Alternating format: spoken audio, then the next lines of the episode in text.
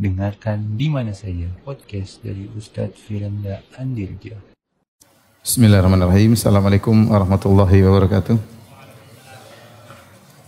Alhamdulillahi ala ihsanih wa syukru lahu ala taufiqihi wa amtinanih wa asyhadu an la ilaha illallah wahdahu la syarika lahu ta'ziman li sya'nih wa asyhadu anna Muhammadan abduhu wa rasuluhu da'ila ridwanih. Allahumma salli alaihi wa ala alihi wa ashabi wa ikhwani. Hadirin dan hadirat yang dirahmati oleh Allah Subhanahu wa taala, kita lanjutkan bahasan kita dari uh, kitab Al-Aqidah Al-Wasithiyah dan kita masuk kepada penjelasan Syekhul Islam Ibnu Taimiyah rahimahullah tentang sifat-sifat Allah Subhanahu wa taala. Dan insyaallah pada kesempatan malam hari ini kalau waktu mencukupi kita akan fokus membahas tentang sifat al-ilmu dan sifat al-hikmah atau sifat al-hikmah dan sifat al-ilmu. Eh, sebelumnya Ibn Taimiyah berkata wa qauluhu subhanahu. Ya termasuk dalam masalah ayat-ayat sifat yaitu firman Allah Subhanahu wa taala huwal awwalu wal akhiru wal zahiru wal batinu wa huwa bikulli syai'in alim. Dialah yang maha awal dan maha akhir dan dia yang maha zahir dan maha batin dan dia yaitu Allah Subhanahu wa taala ilmunya ilmunya meliputi segala sesuatu apa yang dimaksud al-awwal? Al-awwal yaitu Allah yang pertama, Allah ada sejak zaman azali yang keawalan Allah Subhanahu wa taala tidak didahului dengan ketiadaan. Berbeda dengan makhluknya, dahulunya tidak ada kemudian menjadi menjadi ada. Yang mengadakan adalah Allah Subhanahu wa taala. Makanya dalam hadis kata Nabi sallallahu alaihi wasallam, "Kana Allah wa lam yakun syai'un ghairuhu." Dahulu Allah sendirian, dan tidak ada yang bersama dengan Allah Subhanahu wa taala. Kemudian Allah menciptakan makhluknya. Maka Allah adalah al-awwal. Al-awwal. Dialah yang pertama pertama kali dari sisi zaman, maka Allah Subhanahu wa taala adalah yang maha pertama yaitu azali yang tidak didahului dengan uh, ketiadaan. Oleh karenanya Nabi SAW menafsirkan uh, empat sifat ini al-awwal, al-akhir, al-zahir, al-batin. Dalam hadis kata Nabi sallallahu alaihi wasallam antal awwal falaysa qablaka syai' engkau adalah al-awwal. Tidak ada sesuatu pun yang sebelum engkau. Wa anta al-akhir wa laysa ba'daka syai' dan engkau adalah yang paling terakhir dan tidak ada setelah engkau sesuatu pun. Wa zahir dan anta zahir engkau adalah yang maha zahir. Wa laysa fawqaka syai' tidak ada sesuatu pun di atas engkau. Wa antal batin dan engkau maha batin. Wa laysa dunaka syai' tidak ada sesuatu pun yang di bawahmu yang tersembunyi. Uh, ini makna dari eh, sifat-sifat uh, ini. Al-awwal, al-akhir, al-zahir, al-batin. Al-awwal itu maha azali ya, maha azali ya. Kemudian itu adalah maha abadi ya. Kemudian eh, yang yang ter, yang tertinggi yang batin itu tidak ada tidak ada yang tersembunyi baginya. Maha azali Allah Subhanahu wa taala laisa qablaka syai tidak didahului dengan tidak didahului dengan ketiadaan. Nabi SAW bersabda, ya, kana Allah walam yakun syai'un ghairuhu. Ghairuhu. Dahulu Allah sendirian dan tidak ada yang bersama dengan Allah.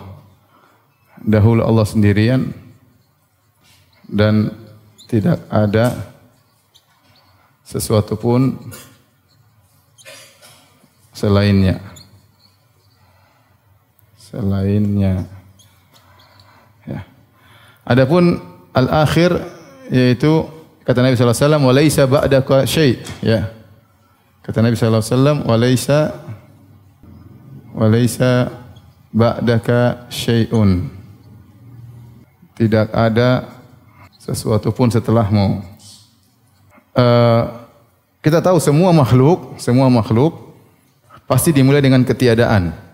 Maka tidak ada yang azali bersama Allah Subhanahu wa taala kecuali pendapat falasifah sebagaimana kita sudah sebutkan mereka mengatakan biqidamil alam bahwasanya Allah qadim Allah makhluk muncul bersamaan dengan Allah Subhanahu wa taala. Sebagaimana sudah kita bahas ini adalah kekufuran sudah dibantah oleh para ulama. Di antara sebab kenapa falasifah dikafirkan oleh Al-Ghazali tiga sebab. Kata Al-Ghazali dalam kitabnya uh, Tahafutul Falasifah yaitu kontradiktif orang-orang ahli filsafat bahwasanya tiga hal yang menjadikan falasifah dikafirkan di antaranya mereka mengatakan bikidamil alam bahwasanya makhluk azali bersama Allah Subhanahu wa taala. Kenapa mereka berkata demikian?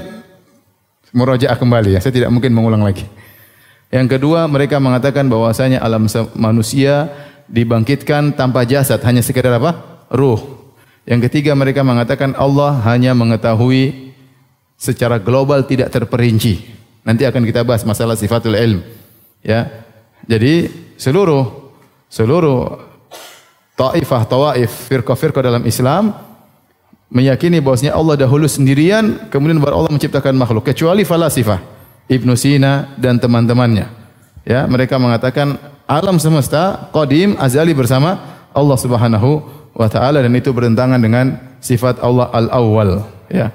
Kalau ternyata alam semesta bersama dengan Allah maka Allah tidak disebut dengan apa al-awwal bukan dia sendiri yang al-awwal berarti makhluk juga apa al-awwal ya ya, ya kata kata falasifah seluruh makhluk Qadim bersama Allah, cuma permunculannya yang berbeda waktu.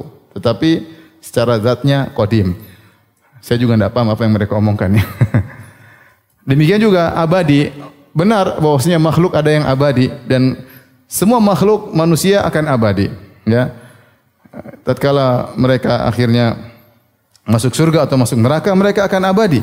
Khalidina fiha abada, akan abadi selama-lamanya.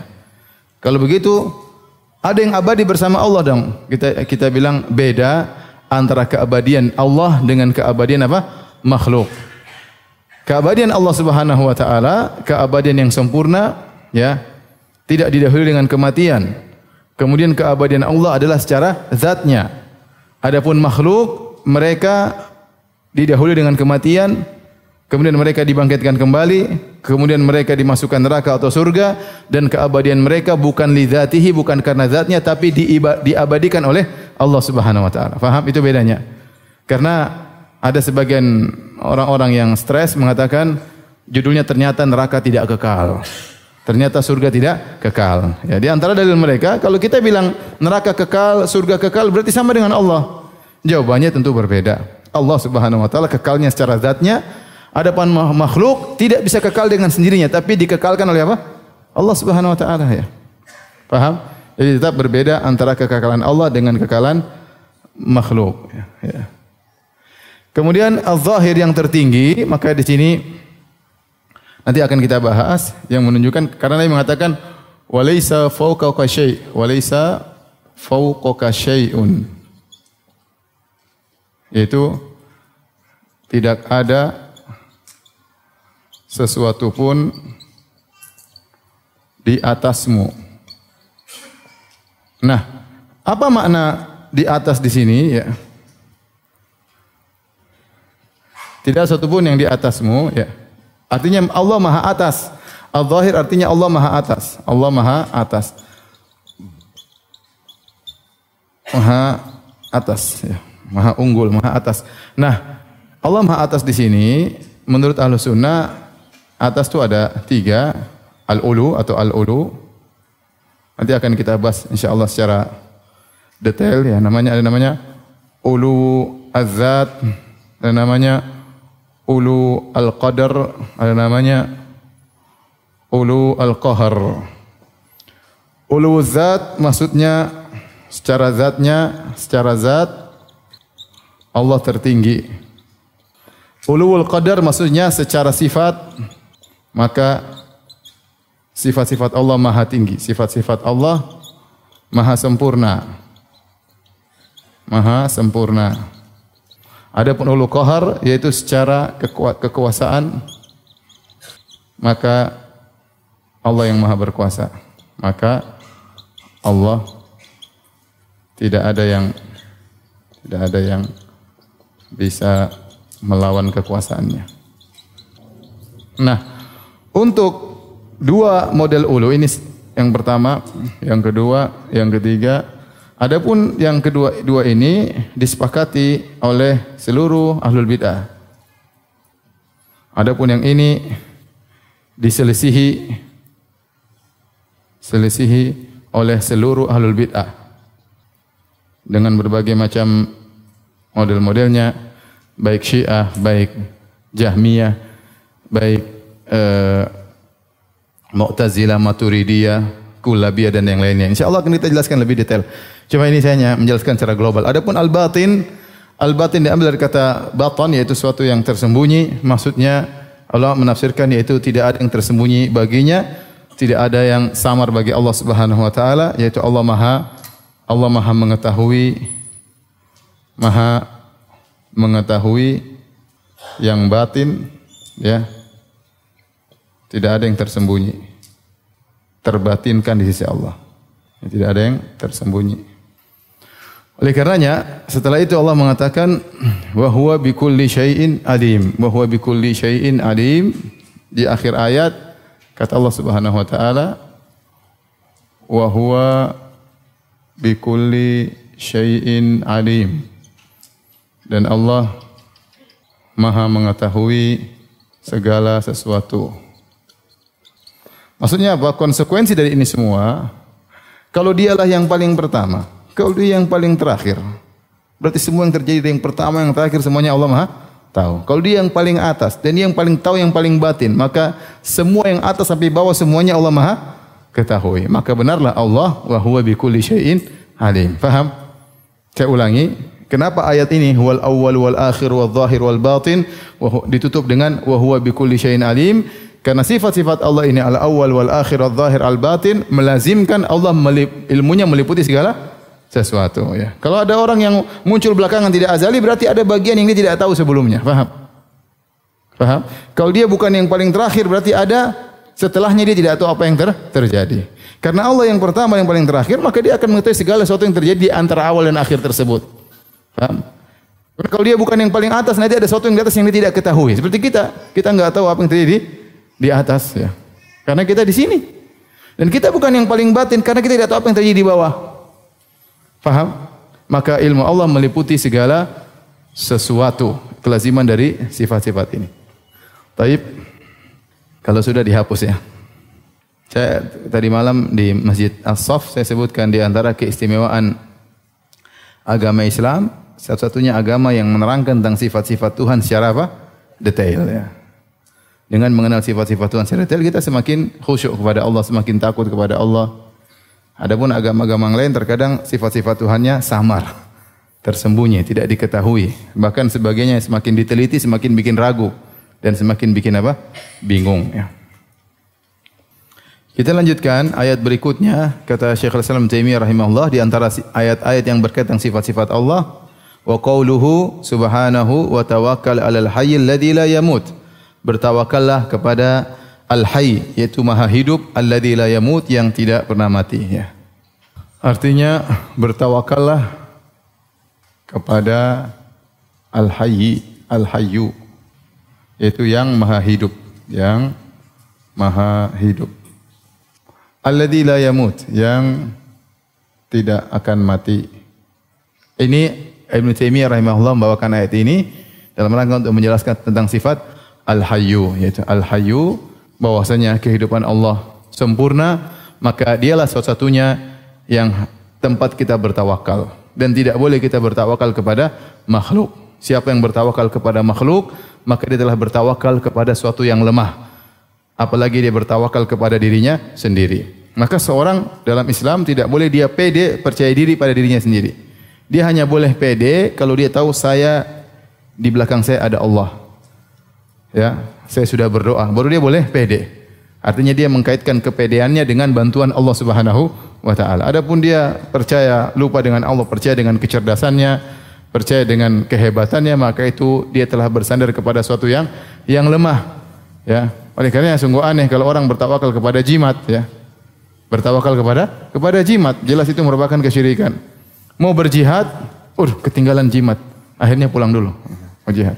Kamu kenapa? Pulang ambil jimat. Oh, saya kan mau jihad. Kenapa pakai jimat? Ya supaya tidak mati syahid.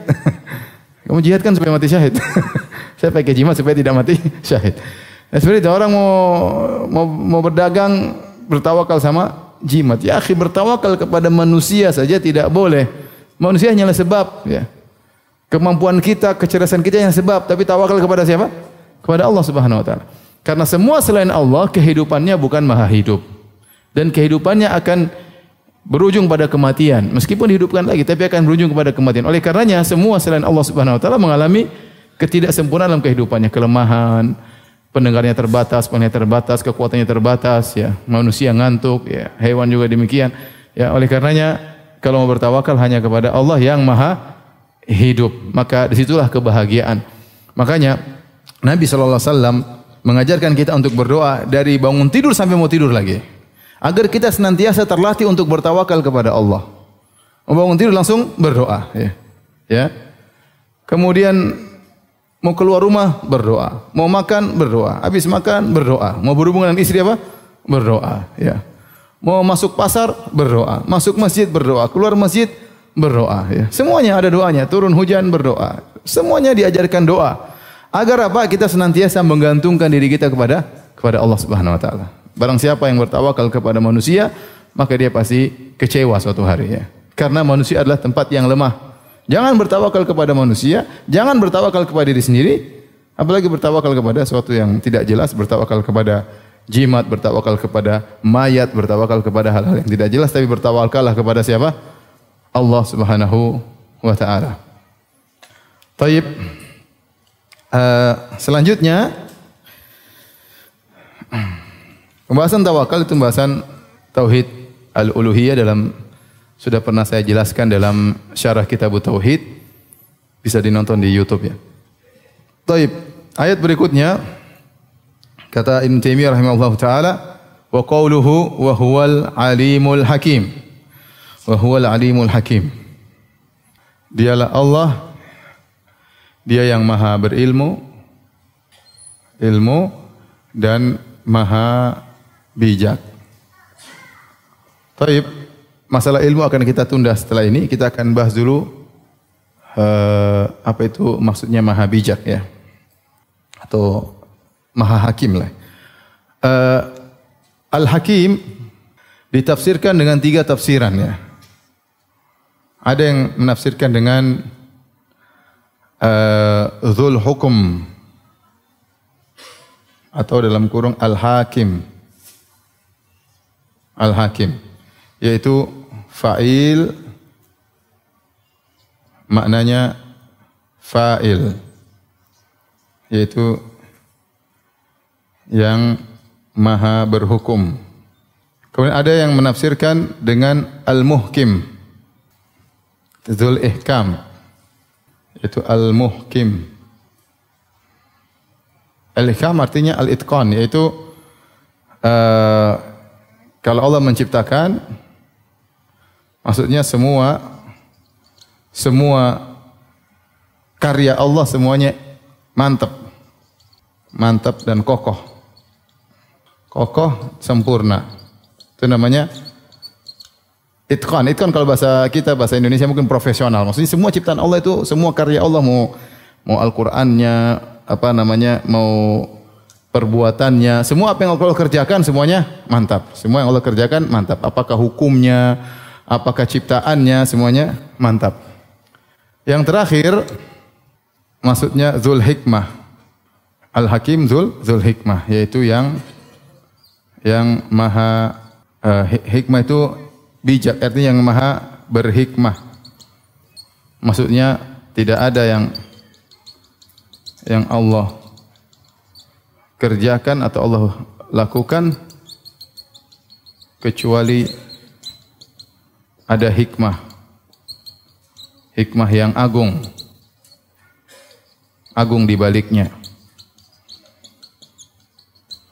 Walillahi Walillahil hikmatu hikmat walillahi hikmatun balighah. Taib. Ini di antara makna al-hakim. Ada tiga tafsiran di kalangan para ahli tafsir karena maknanya kembali kepada hakama. Hakama bisa ditasrif dengan beberapa kemungkinan. Di antaranya dzul hukum yaitu Allah al-hakim bahwasanya segala hukum yang berhak mengeluarkan hanyalah Allah Subhanahu wa taala. Semua keputusan hanya yang mengerjakan siapa? Allah ya. Ya makanya wala yusyriku fi hukmihi ahada. Ya Allah Subhanahu wa taala tidak mensyarikatkan seorang pun satu makhluk pun dalam hukumnya. Semuanya Allah yang putuskan. Pengaturan alam semesta, perjalanan matahari, penciptaan manusia, ajalnya, takdirnya, semua yang terjadi alam semesta ini Allah tidak perlu diskusi. Paham? Allah sendirian dalam menjalankannya. Maka tidak ada Allah kasih hak otonomi. Misalnya pantai selatan, kamu Nyiroro Kidul, kamu atur sana. Misal. Tidak ada. Ini gunung eh, jin ini, jin tomang, kamu gunung itu. Tidak ada. Ya. Ada Allah kasih. Tidak. Semuanya atas perintah siapa? Allah. Semua yang kasih keputusan siapa? Allah. Itu maksudnya Allah Al-Hakim. Ya. La mu'aqqiba li hukmih. Tidak ada yang protes dengan hukum Allah Subhanahu wa taala. Sebenarnya oleh karenanya semua yang terjadi dalam semesta ini tidak ada yang keluar dari hukum Allah Subhanahu wa taala. Kullu yaumin huwa fi sya'an. Setiap hari Allah dalam kesibukan. Memutuskan ini, memutuskan ini, mengatur ini, mengatur ini dan segalanya Allah Maha mengatur segala sesuatu. Apa yang terjadi dalam semesta ini tidak ada yang keluar dari hukum Allah Subhanahu wa taala. Paham? Maha hukum. Adapun al-ihkam, dzul ihkam yaitu al-muhkim itu semua uh, misalnya firman Allah kitabun uhkimat ayatuh Al-Qur'an yang ihkam ayat-ayatnya. Al-Qur'an itu Al-Qur'an Allah Subhanahu wa taala yang merupakan firman-firman Allah Subhanahu wa taala. Allah buatnya dengan ihkam. Makanya Allah mengatakan afala yatadabbarun al-Qur'an. Walau kana min indi ghairillahi lawajidu fi ikhtilafan katsira. Tidakkah mereka Allah tantang, tidakkah mereka mentadaburi Al-Qur'an? Kalau bukan dari kalau bukan dari Allah Al-Qur'an kalian akan mendapati kontradiktif. Maka sebenarnya kata para ulama, Allah Allah tidak menghendaki kecuali yang sempurna hanya Al-Quran. Semua kitab apa pun pasti tidak sempurna. Mau Sahih Bukhari, mau Sahih Muslim, apalagi karangan kita. Saya aja kalau nulis buku, saya lihat lagi pasti ada salah. Setiap saya periksa pasti ada salah, nggak mungkin nggak ada salah. Saya periksa sampai mati tetap aja ada salahnya. Nggak usah, biar salah nggak apa-apa. Manusia, ya, tidak ada yang sempurna. Tidak ada yang bisa mengarang buku dengan apa? Sempurna. Ya. Semuanya pasti ada kesalahannya. Yang sempurna cuma karya Allah Subhanahu wa taala atau firman Allah Subhanahu wa taala. Demikian, juga alam semesta Allah ciptakan ya dengan sempurna. Ma tara fi khalqi apa min tafawut. Tidak apa namanya? Tidak ada ke tidak seimbangan dalam ciptaan Allah Subhanahu wa taala. Wa taala Subhanahu wa taala. Lihatlah langit, tidak ada langit kemudian retak-retak sedikit. Ya. Saya sering bilang, coba kita bangun rumah saja. Kalau misalnya luasnya mungkin 1000 meter, mesti ada bengkok-bengkok sedikit, mungkin ada ini. Ini bayangkan langit seluas ini, tidak ada retak sedikit, tidak tidak ada miring sedikit, sangat muhkam. Ya, sangat muhkam. Padahal isinya berat. Ada matahari, ada rem, rembulan, ada bintang-bintang, ada gugusan-gugusan macam-macam, ada malaikat tinggal di atas. Namun tidak ada sedikit pun keretakan, tidak ada pun ketidakseimbangan, semua diciptakan Allah dengan muhkam. Lihatlah matahari, terbit pada waktunya, tenggelam pada waktunya, beredar bersama orbitnya. Seandainya kalau kita bisa gerakan matahari, kita ingin bulan puasa cepat terbenam ya. Tapi nggak bisa ya, sudah nunggu aja mau diapain ya. Sudah diatur berdasarkan aturan Allah Subhanahu wa taala. Demikian juga takdir Allah. Takdir Allah juga ihkam.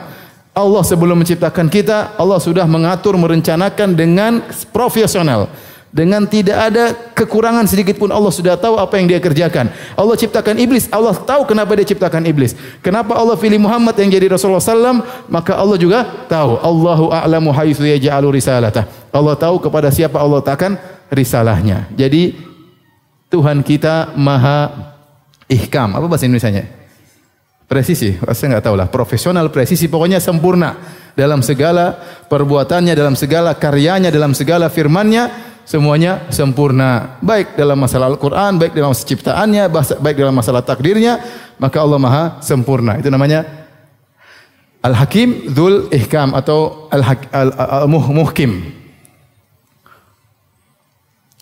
Yang terakhir di antara makna Al-Hakim adalah Dhul Hikmah, yaitu Allah tidak melakukan apa pun kecuali ada apa? Hikmahnya. Walillahi hikmatun balighah. Allah memiliki hikmah yang tinggi. Allah tahu kenapa Allah melakukan demikian, kenapa ciptakan demikian Allah menciptakan bencana, kenapa Allah memberikan kenikmatan kepada si fulan, kenapa si yang si fulan tidak. Semuanya pasti ada hikmahnya. Taib, untuk masalah al-hikmah maka ada beberapa penyimpangan dalam masalah sifat al-hikmah ya. Taib. apa namanya? Ya, sifat hikmah Allah. Menurut Al-Jahmiyah dan Al-Asy'ariyah kemudian menurut Ahlus Sunnah wal Jamaah kemudian menurut uh, Al-Mu'tazilah. Adapun menurut Ahlus Sunnah wal Jamaah sebagaimana yang kita jelaskan ini menurut Ahlus Sunnah wal Jamaah. Menurut Ahlus Sunnah wal Jamaah. Bahwasanya Allah Subhanahu wa taala menciptakan suatu pasti ada apa? Hikmahnya.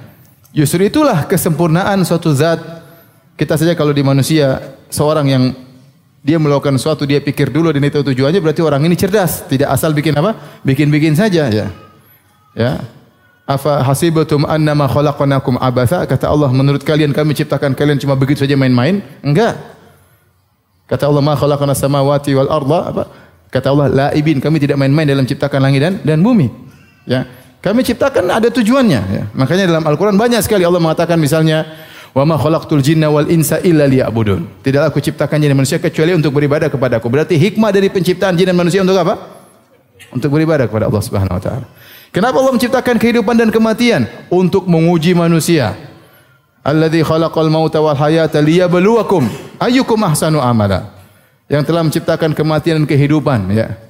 Untuk menguji kalian siapa di antara kalian ya yang terbaik amalannya. Wa ma arsalna mir rasulin wa ma arsalna mir rasulin illa liyuta'a biidznillah. Tidaklah Allah mengutus suatu rasul kecuali untuk ditaati. Dan banyak dalam Al-Qur'an Allah mengatakan untuk ini, untuk ini, untuk ini menunjukkan Allah tatkala melakukan sesuatu pasti ada tujuannya. Ini perkara yang mudah dipahami atau tidak? Mudah sudah. Kita manusia aja yang bikin sesuatu kita tujuannya ada. Kalau ada orang bikin sesuatu tidak pakai tujuan, ini orang kita bilang ini orang cerdas atau bahlul? Bahlul, kenapa enggak ada tujuannya? Ya, sekedar nggak tahu apa yang terjadi, yang bikin aja ngerjain tanpa ada tujuan. Sederhana itulah akidah Ahlussunnah wal Jamaah. Itulah akidah masyarakat. Masyarakat Allah ada hikmahnya. Sabar, pasti ada hikmahnya. Banyak orang bilang begitu. Terkena musibah, sabar, ada hikmahnya. Ya. Kena kecelakaan, sabar, ada hikmahnya. Ya. Cerai sama istri, sabar, ada hikmahnya. Diomelin istri, ada hikmahnya. Ya. Misalnya ya. Ya semuanya ada hikmahnya. Karena kita yakin di antara sifat Allah, Allah maha bijak, Allah tidak melakukan sesuatu kecuali pasti ada hikmahnya. Itu akidah al-sunnah wal jamaah. Hanya saja al-sunnah wal jamaah memperinci ya, hikmah atau tujuan. Tujuan perbuatan Allah. Ada yang kembali kepada makhluk. Seperti tadi ya. Allah mengatakan misalnya uh, tidaklah kami menciptakan jin manusia uh, tidaklah apa namanya kami utus rasul kecuali untuk ditaati ya tidaklah kami uh, misalnya Allah mengharamkan suatu kecuali ada hikmahnya Allah menghalalkan suatu kecuali ada hikmahnya maka semuanya kembali kepada kemaslahatan hamba dan ada yang ada yang hikmah kembali kepada Allah ya seperti Allah senang ya Allah ridha berarti Allah melakukan sesuatu tersebut agar Allah senang dan Allah ridha seperti Allah mengatakan wala yazalul abdi yataqarrabu ilayya bin nawafil hatta uhibbahu. Senantiasa hambaku ya melakukan amalan-amalan sunnah sampai aku pun men mencintainya. Ya, berarti Allah ingin hamba tersebut melakukan perbuatan-perbuatan yang baik agar Allah apa? cinta kepada dia. Ini kembali kepada zat Allah Subhanahu wa taala. Taib, adapun Al-Jahmiyah Al-Asy'ariyah Kata mereka, ya, mereka adalah kata mereka semua perbuatan Allah tanpa tujuan. Allah melakukan tanpa tujuan. Logika mereka sederhana. Kata mereka, kalau Allah menciptakan suatu karena tujuan, berarti Allah butuh kepada tujuan tersebut. Kalau Allah butuh kepada tujuan tersebut, berarti Allah tidak sempurna kecuali setelah mendapat tujuan tersebut mikir otak putar-putar akhirnya Allah bikin sesuatu tanpa tujuan. Bayangkan, semuanya permainan apa? Otak. Saya ulangi. Jangan-jangan antum kena syubhat ya. Kata mereka. Kata mereka Allah melakukan semua tidak ada tidak tidak tidak boleh pakai tujuan. Bahkan mereka mengatakan seandainya Allah mengazab para nabi dalam neraka jahanam kekal selama-lamanya Allah tidak zalim. Enggak ada masalah kata mereka. Karena Allah melakukan sesuatu tanpa ada tujuan, Allah tidak butuh kepada apa pun.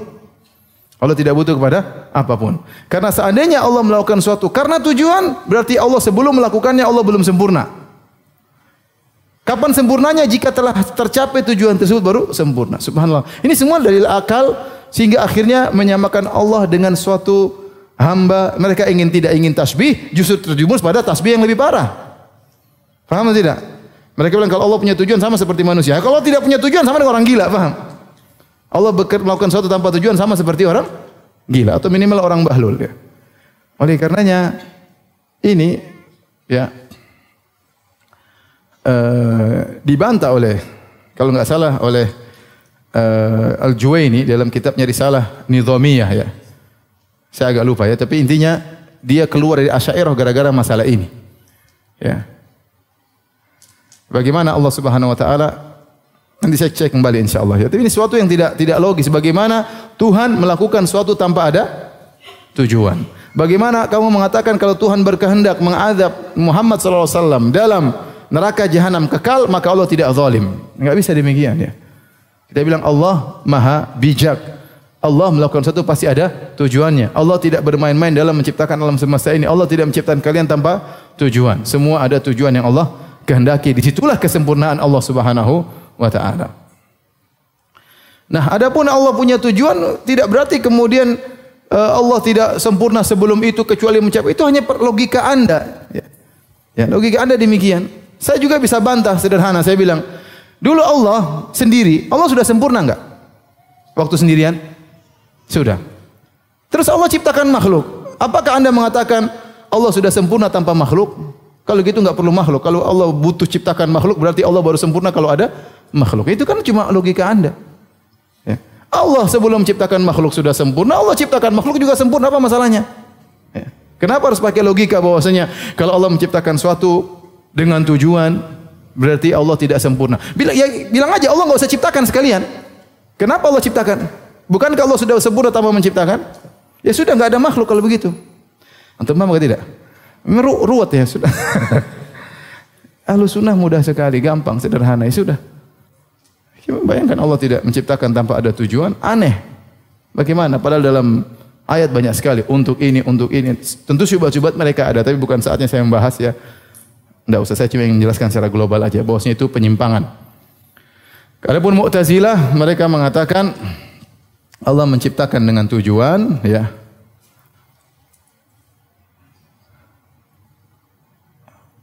Ada hikmah tapi hikmah hikmah adalah makhluk bukan sifat Allah Subhanahu wa taala. Allah dan hikmah tersebut hanya berkaitan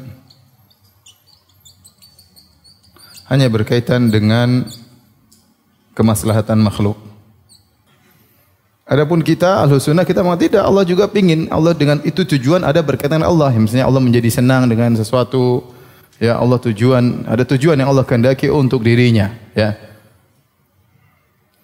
Misalnya hamba ya eh, diciptakan untuk beribadah kepada sang Tuhan. Ya. Kembali kepada Allah Subhanahu wa taala.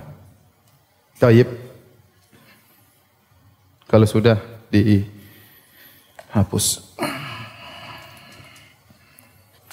Untuk kalau ada duit beli matan akidah wasetia ya. Ya, kalau enggak punya duit daftar nama di sini ya. Kalau punya duit cari matan akidah apa? Wasitiyah. Sudah saya sudah terjemahkan kan? Ya, sudah terjemahkan. Kalau nggak ada duit tulis nama di sini ya. Saya ingin tahu yang tidak punya duit siapa. Biar antum bisa ngikutin ya. Taib, kita lanjutkan. Selanjutnya Allah berbicara tentang sifat al-ilm. Ya. Apa uh, Ibn Taimiyah menyebutkan tentang sifat al-ilm. Wa qawluhu al-alimul khabir. Dialah Allah yang maha berilmu dan maha khabir. Akan kita jelaskan apa bedanya al-alim dengan al-khabir. Wa qawluhu dan Allah berfirman, ya'lamu dan Allah ya'lamu, ya'lamu itu fi'il mudhari. Ya artinya Allah sedang mengetahui. Ya'lamu ma yaliju fil ardi, apa yang masuk ke dalam bumi. Setiap saat Allah Maha tahu. Makanya Allah menggunakan fi'il mudhari, ya'lamu. Paham? Ada fi'il kan kata kerja ada tiga. Ada namanya fi'il madhi yaitu yang sudah lalu, past tense. Kemudian fi'il mudhari, apa namanya? Present tense ya, yang sedang terjadi. Fi'il amr yaitu perintah. Dalam ayat ini ayat berikutnya surat Saba ayat 2 Allah mengatakan ya'lamu dengan fi'il mudhari. Ya'lamu ma fi ma ya'lamu ma yaliju fil ardi wa ma yakhruju minha wa ma yanzilu minas sama'i wa ma ya'ruju fiha. Dialah Allah yang mengetahui apa yang masuk dalam bumi. Maksudnya bumi banyak dalam bumi ada tumbuhan, ada cacing, ada ular, ada jengking, ada macam-macam, ada biji-bijian yang masuk dalam bumi Allah tahu. Setiap saat ada yang masuk dalam bumi Allah tahu setiap saat. Wa ma yakhruju minha apa yang keluar dari bumi juga Allah tahu. Ada hewan yang keluar, ada tumbuhan yang keluar, ada pohon yang keluar, ya, macam-macam Allah tahu apa yang keluar dari bumi. Wa ma yanzilu minas sama dan Allah juga sedang mengetahui setiap apa yang turun dari dari langit. Makanya di situ Allah menggunakan ma al-mausulah yaitu apa yang turun Allah tahu. Wa ma ya'ruju fiha dan setiap yang naik ke atas juga Allah Maha mengetahui dan Allah sedang mengetahui. Saya kasih penekanan saja. Allah Subhanahu wa taala sifatnya al-alim, yaitu maha mengetahui. Maha berilmu. Kemudian Allah mengatakan ya'lamu ma yaliju. Kata Allah ya'lamu ma yaliju fil ard wa ma yakhruju minha wa ma yanzilu minas sama wa ma ya'ruju fiha. Dialah Allah Subhanahu wa taala yang sini fi'il mudhari, fi'il mudhari yang menunjukkan apa? sedang mengetahui. Paham apa? Sedang mengetahui, sedang mengetahui. Bukan Allah tidak Allah tidak mengatakan Allah telah mengetahui, tapi Allah sedang apa? Mengetahui. Jadi ilmu Allah ada yang ilmu sabik sebelumnya dan sekarang terjadi pun Allah sedang tahu. Paham? Kemudian ma adalah isim mausul. Ismul mausul atau ma al mausulah yang menunjukkan keumuman yaitu apa saja yaitu apa saja yang masuk ke bumi baik biji-bijian, tumbuh-tumbuhan, hewan, air, ah, kemudian apa saja yang dalam bumi Allah Maha Maha tahu. Kemudian wa ma yakhruju minha. Demikian juga apa saja yang keluar dari bumi Allah juga Maha mengetahui dan Allah sedang mengetahui.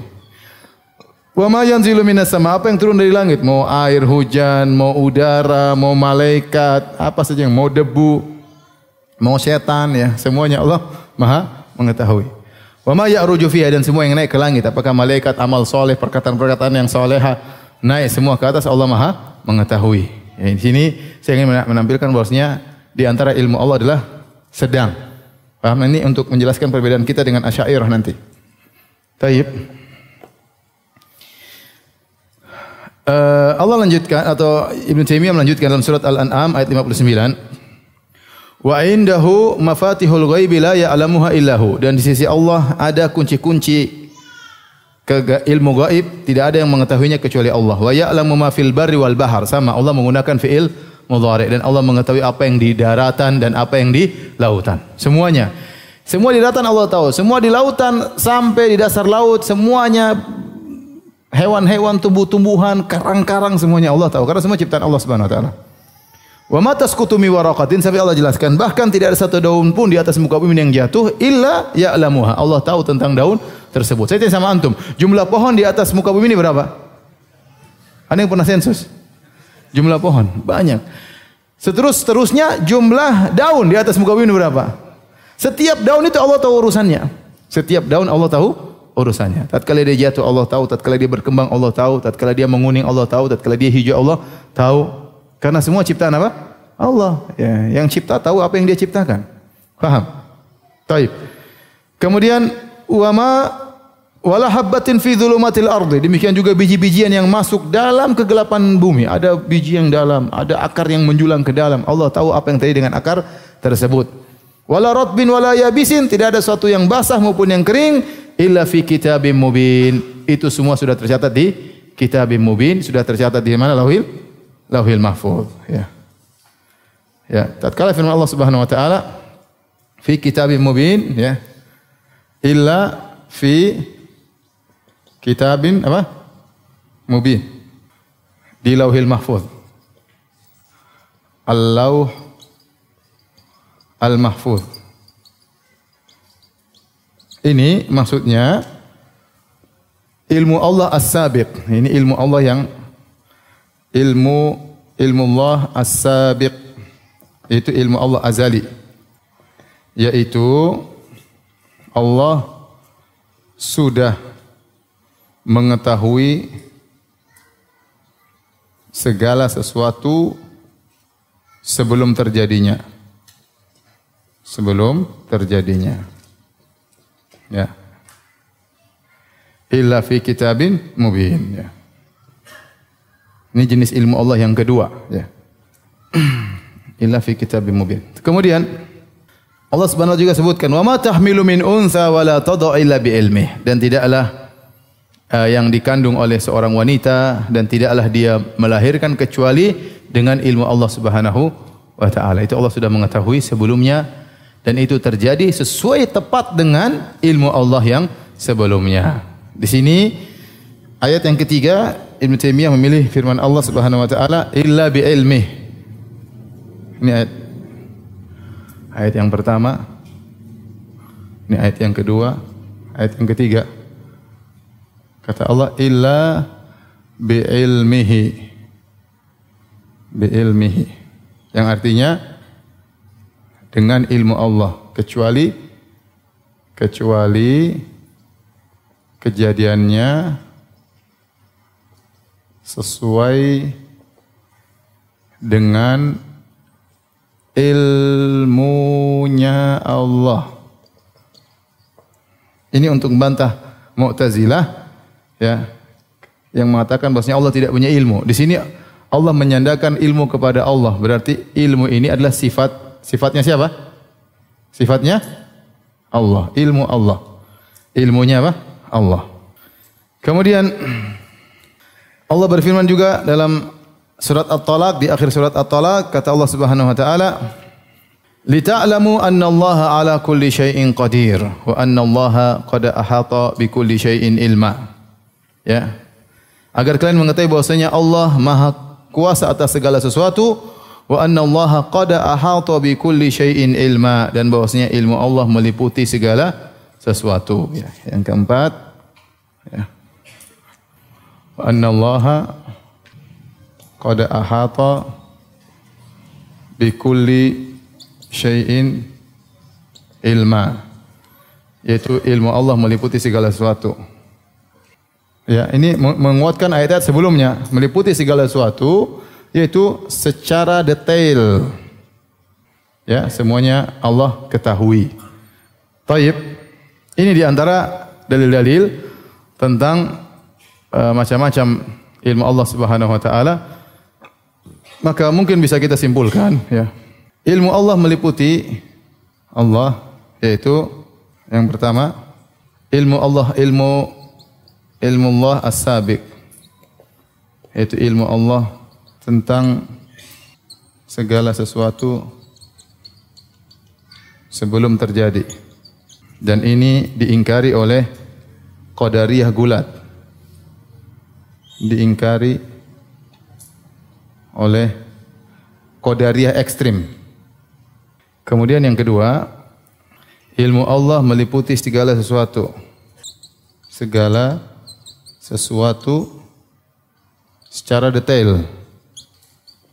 Dan ini diingkari oleh falasifah. Oleh falasifah. Ibnu Sina dan CS-nya ya. Kemudian uh, tiga ilmu Allah meliputi apa yang sedang terjadi. Ya. Jadi Allah bukan hanya bukan hanya mengetahui akan terjadi sesuatu akan terjadi Bahkan tatkala sedang terjadi atau sudah terjadi Allah juga tahu. Allah juga sedang tahu. Sedang mengilmuinya. Dan ini diingkari oleh asyairah Kemudian bahkan ilmu Allah Subhanahu wa taala Allah mengetahui sesuatu yang tidak terjadi. Seandainya terjadi kayak apa seperti apa Allah juga tahu. Allah juga tahu. Baik. Ini kira-kira tentang ilmu Allah menurut pandangan ahlu sunnah. Ya. Menurut ahlu sunnah. Dari uh, semuanya sudah kita simpulkan kecuali yang keempat saya akan tambahkan dalilnya tidak disebut oleh Ibnu Taimiyah rahimahullah taala. Jadi ilmu Allah meliputi ilmu Allah as-sabiq. Sebelum Allah menciptakan, Allah sudah mengetahui dan ilmu Allah Allah catat dalam Lauhil Mahfuz maka semua yang berjalan sesuai dengan takdir, sesuai dengan yang ada di lauhil apa? Mahfuz. Berarti Allah mengetahui segala sesuatu sebelum ter terjadi. Maka Allah mengatakan kepada pena, awal awal ma khalaqallahu al-qalam yang pertama Allah ciptakan pena, kata Allah, "Uktub, tulislah." Pena berkata, "Mada aktub? Apa yang aku tulis?" Uktub ma huwa kainun ila qiyamisa. Tulislah apa yang terjadi sampai hari kiamat. Maka pena pun menulis semuanya. Kemudian uh, rufi'atil aqlam wa jaffati Pena sudah diangkat, lembaran sudah kering. Semua yang terjadi berjalan sesuai dengan apa? Takdir tersebut. Berarti sebelum terjadi Allah sudah tahu belum? Sudah, ya. Ini ilmu yang pertama. Yang kedua, ya. Ini diingkari oleh Qadariyah. Kata Qadariyah Allah tidak tahu kecuali sudah terjadi.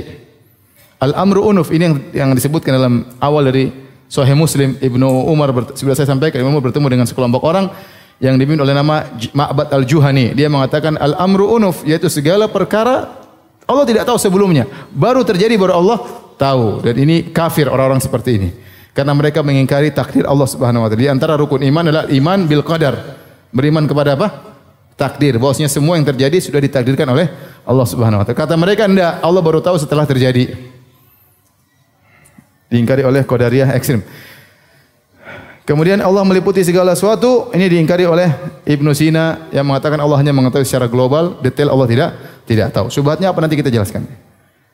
Yang ketiga, Allah mengetahui apa yang sedang terjadi. Ini repot bagi Jahmiyah dan bagi Asy'ariyah. Asy'ariyah, wah, kan kita sudah punya syarat Tuhan. Syarat Tuhan tidak boleh mengalami perubahan, ya tidak?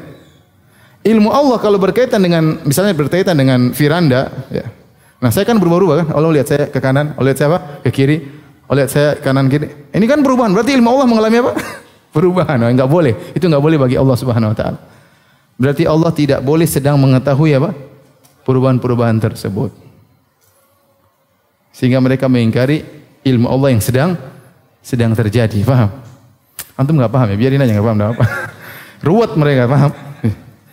Yang keempat, Allah mengetahui sesuatu yang tidak terjadi. Seandainya terjadi seperti apa, Allah juga tahu. Dan ini banyak dalam ayat. Seperti Allah berfirman, Walau alimallahu fihim khairan la asma'ahum. Walau asma'ahum la tawallaw wa hum Kata Allah seandainya Allah mengetahui pada diri mereka ada kebaikan dalam surat Al-Anfal, tentu Allah akan membuat mereka mendengarkan ayat-ayat Allah. Walau asma'ahum seandainya mereka mendengar ayat Allah, la tawallau mereka tetap saja berpaling. Intinya mereka sekarang tidak mendengar ayat-ayat Allah, tapi kata Allah, seandainya pun saya buat mereka mendengar, tetap saja mereka ber, berpaling. Faham? Jadi tidak terjadi, tapi kalau terjadi Allah tahu bagaimana. Sama seperti mereka mengatakan uh, apa ya laitana nuraddu wala nukadziba bi ayati rabbina. Ya Allah, kembalikanlah kami ke dunia. Kami tidak akan mendustakan ayat Allah Subhanahu wa taala. Kata Allah, "Walau raddu walau ruddu la'adu limanuhu anhu wa innahum lakadzibun." Kata Allah, seandainya mereka dikembalikan, tetap saja mereka akan mendustakan ayat-ayat Allah dan mereka berdusta atas pernyataan mereka. Mereka sudah mati tidak bakalan dikembalikan, paham? Tapi kata Allah, seandainya kalau dikembalikan, tetap saja mereka akan mendustakan. Berarti Allah tahu sesuatu yang tidak terjadi. Seandainya terjadi kayak apa Allah juga tahu. Sama seperti Allah berfirman tentang orang munafik. Orang munafikin mereka tidak mau jihad. Nah kata Allah Subhanahu wa taala, "Walau aradul khuruja la addu lahu uddatan." Seandainya mereka ingin ikut keluar berjihad, tentu mereka akan persiapkan persiapkan persiapan, tapi mereka tidak persiapkan sehingga mereka tidak ikut jihad. Kata Allah, "Walau kharaju fikum ma zadukum illa khabala." Seandainya mereka ikut keluar jihad, mereka hanya bikin tambah kekacauan. Orang mereka tidak ikut berjihad, yang terjadi mereka tidak ikut apa? berjihad. Tapi seandainya mereka ikut berjihad hanya bikin kacau. Ini menguatkan dalil bahwasanya Allah mengetahui sesuatu yang tidak terjadi. Seandainya terjadi kayak apa, Allah pun tahu. Paham? Azan ya? Baik, hadirin hadirat yang rahmatillah subhanahu wa taala. Insyaallah kita lanjutkan ya karena kita lanjutkan pekan depan ya, hari Sabtu insyaallah. Karena kalau saya mau jelaskan nanti kepanjangan ya. Tentang syubhat-syubhat dan bantahannya dan juga sifat al-khabir kita tunda insyaallah Sabtu depan. Tapi kita masuk tanya jawab. Ini syubhat-syubhat mengenai Allah di atas, nanti akan ada pembahasannya ya. Nanti sifat uluullah akan datang bahasnya dalam syarah akidah wasiyah dengan dengan detail. Tolong nanti pas saatnya kita bahas itu baru sampaikan syubhat-syubhat ini. Nanti saya bantah pada saat tersebut insyaallah taala. Ustaz, apabila kita mendoakan orang tua, kakek, nenek dan orang terdekat yang sudah tiada, apakah harus disebut namanya misalnya fulan bin fulan? Eh, kalau bisa disebut lebih baik atau tapi Allah Maha tahu. Kalau kita bilang nenekku, yang kita maksudkan siapa Allah sudah tahu ya. Kita bilang ayahku, ya sudah tahu. Kita bilang ibuku, Allah sudah tahu. Ibu cuma satu kan? Allah sudah tahu siapa yang kita doakan ya. Tidak perlu kita sebutkan fulan bin bin fulan, tidak harus ya. Yang penting kita tujukan siapa doa tersebut, Allah Maha Maha tahu. Ustaz Bibi Ana punya anak, anak pertama namanya Esa Damar Panutan. Anak kedua mengalami guguran, anak ketiga meninggal saat melahirkan dan sekarang Bibi Ana sedang hamil lagi. Mohon penjelasannya Ustaz, apa akibat apakah akibat pengaruh anak pertama? Allah alam bisawab, cuma nama Esa itu kurang baik ya. ya seakan-akan dia hanya bersendirian ya. Uh, sebaiknya namanya di diganti ya. Karena Esa secara bahasa Indonesia artinya apa? Sendirian ya. Eh sendirian. Beda dengan nomor satu. Kalau nomor satu akan ada nomor nomor dua. Tapi Esa itu kesannya Allah alam. Setahu saya Esa maksudnya bersendirian. Dan kita tahu nama punya pengaruh ya. Nah, Rasulullah mengganti nama-nama yang tidak baik. Rasulullah SAW mengganti menyuruh orang namanya hazan sedih. Rasulullah suruh ganti. Karena mereka sering mengalami apa? Kesedihan ya. Ada namanya syihab atau syuhub atau apa yang naknya api Rasulullah SAW suruh suruh ganti. Karena nama hendaknya pilih nama yang yang baik ya. dan kita berharap dengan nama tersebut mengaruhi uh, sang anak. Ya sebaiknya diganti. Sebaik sebaiknya nama ini di diganti. Ya. Adapun kalau seandainya satu dua nggak apa-apa. Ini anak nomor satu. Nomor satu tidak tidak justru menandakan akan ada nomor apa? Dua. Seperti di Afrika, kawan-kawan yang belajar di Madinah banyak namanya anak dari satu sampai lima namanya sama semua. Namanya Abu Bakar, tapi Abu Bakar awal, Abu Bakar thani, Abu Bakar thalith. Begitu mereka ya. Abu Bakar nomor satu, Abu Bakar nomor dua, Abu Bakar nomor tiga, Abu Bakar nomor empat. Mereka tidak bilang Abu Bakar satu dari istri pertama, Abu Bakar dua dari istri kedua, enggak. Pokoknya dia bilang Abu Bakar, dia namakan Abu Bakar lima-limanya, Abu Bakar sampai Abu Bakar khamis. Demikian juga Muhammad, Muhammad al-awwal, Muhammad al-thani, Muhammad al-thalith, Muhammad al-rabi.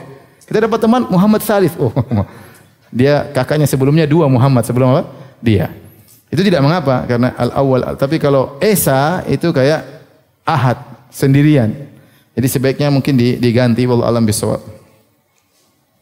Ustaz apa benar Imam Nawawi, Imam Ibnu Hajar berakidah Asy'ariyah? Uh, buku karya beliau dipakai oleh ulama-ulama Ahlussunnah. Benar, uh, An-Nawawi dalam buku-bukunya beliau mentakwil sifat-sifat Allah Subhanahu wa taala.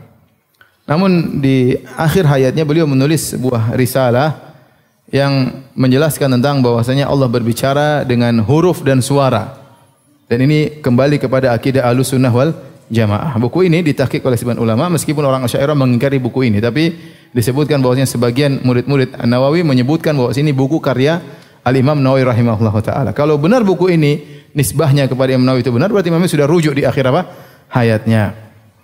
Yang kedua Ibnu Hajar rahimahullah taala kalau kita baca pendapat beliau tentang Eh, sifat-sifat beliau muzabzab, tidak konsisten, tidak konsisten. Contohnya dalam dalil a'rad beliau bantah Asy'ariyah. Padahal itu asal syubhatnya orang-orang apa? Asy'ariyah. Nanti beliau dalam masalah tangan beliau menukil lagi dari pendapat ulama Ahlussunnah tentang adanya sifat tangan bagi Allah Subhanahu wa taala. Dalam masalah suara, Allah berbicara dengan suara, beliau menukil pendapat Imam Ahmad bin Hambal. Jadi memang apa? Nanti dalam sifat ulu beliau tolak sifat ulu. Jadi tidak konsisten Ibnu Hajar rahimahullahu taala. Namun mereka adalah para ulama, meskipun mereka terkena terpengaruh oleh Asy'ariyah, mereka bukan seperti Ar-Razi, mereka bukan seperti Al-Juwaini, bukan orang-orang yang mempelopori akidah tersebut. Mereka hanya ter, terpengaruh apalagi di zaman tersebut zaman yang dikuasai oleh Asy'ariyah ya. Maka kita alhamdulillah kita mereka ulama mereka diberi uzur oleh Allah Subhanahu wa taala mereka sudah berusaha maka kita kalau yang salah kita kritiki, yang benar kita kita ambil. Ya. Jangan sampai orang berpikir wah bahwasanya kalau uh, Ibnu Hajar Asy'ariyah maka kita harus Asy'ariyah semuanya. Kita bilang tidak ada itu bukan itu bukan cara berpikir yang benar ya. Ya. Ibnu Hajar rahimahullah banyak kebaikan, dia punya kesalahan, tidak ada yang maksum. Karena kalau kita misalnya mengikuti pendapat akidah Imam Nawawi, terus buku yang kemarin saya bawa ratusan ulama itu mau kita buang semua. Yang sebelum munculnya Imam Nawawi rahimahullah taala sudah banyak ulama di atas akidah Ahlussunnah wal Jamaah ya. Yang sudah saya sebutkan pada pertemuan yang yang sebelumnya. Oleh karenanya itulah sifat sikap insaf kita, kita bersikap adil. Kalau ada ulama yang punya salah bukan berarti kita kemudian buang dia seluruhnya. Tidak karena tidak ada yang maksum. Ya tidak ada yang maksum kalau orang tersebut ternyata secara umum adalah baik kebaikannya lebih banyak daripada kekurangannya maka tidak mengapa kita ambil ilmunya tapi ada kesalahannya kita waspada dan kita mendoakan semoga Allah mengampuni beliau karena kesalahan beliau beliau sudah berusaha menuju kepada kebenaran namun tergelincir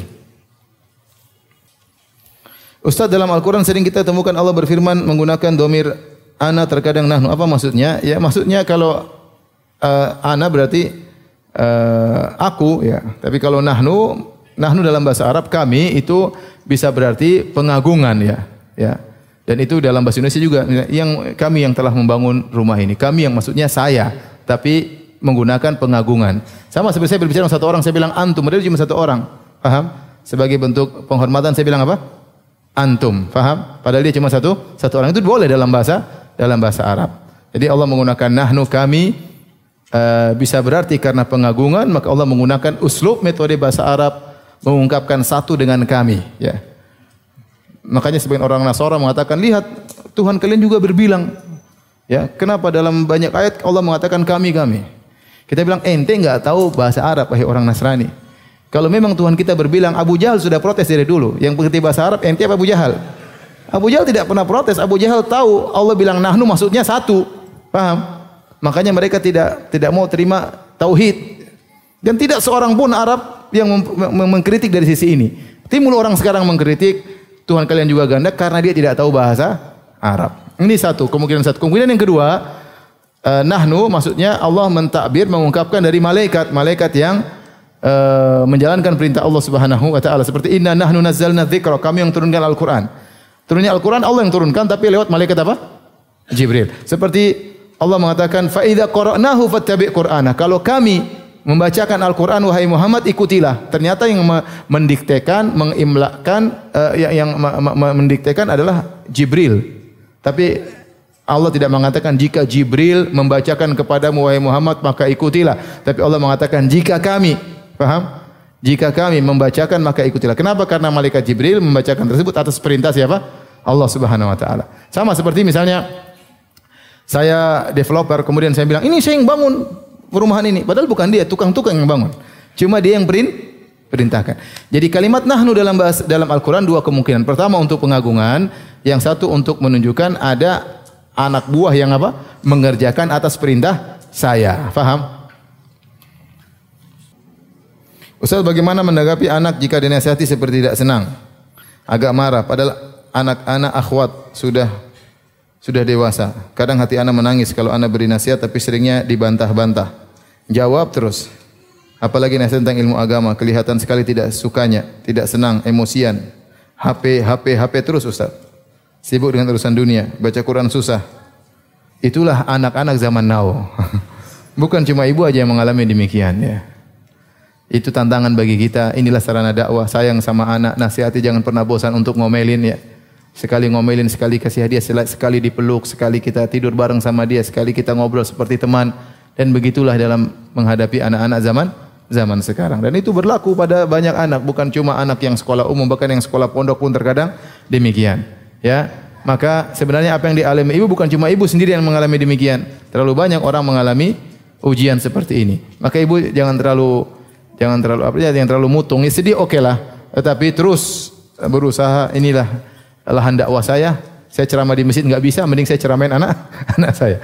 Ya udah pelan-pelan nasihati ya.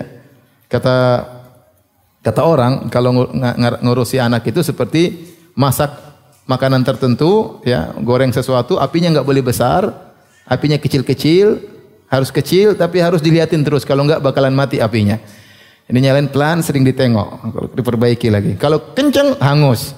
Kalau mati enggak masak-masak ya. Kira-kira demikian. Anak-anak yang harus ditengok, dilihat lagi, diperhatikan apinya supaya dia bisa matang dengan dengan baik. Demikian wallahu taala bisawab. Insyaallah kita lanjutkan pekan depan. Subhanakallah bihamdik asyhadu alla ilaha anta astaghfiruka wa atubu. Wa ala wasallam.